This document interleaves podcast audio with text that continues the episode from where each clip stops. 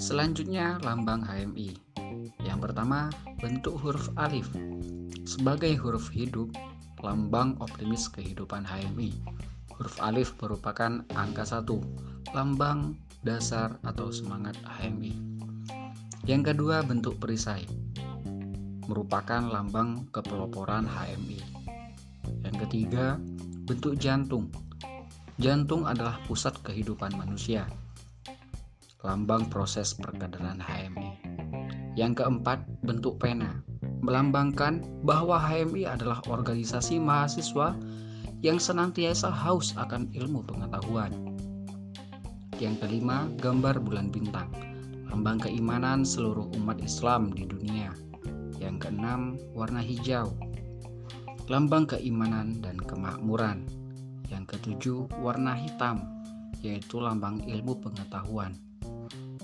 Yang kedelapan, keseimbangan warna hijau dan hitam merupakan lambang keseimbangan esensi kepribadian HMI.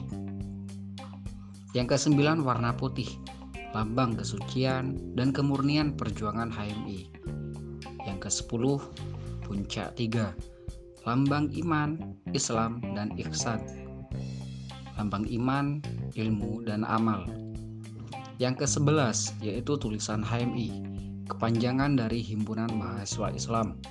Penggunaan lambang HMI dapat diterapkan pada yang pertama, lencana atau budget HMI. Yang kedua, bendera. Yang ketiga, stempel. Yang keempat, kartu anggota. Yang kelima, papan nama HMI. Yang ketujuh, kordon atau selempang HMI. Yang kedelapan, aksesoris atau perlengkapan lain dengan tidak menyimpang dari lambang dan penggunaannya. Aturan penggunaan dan lainnya diatur dengan rinci.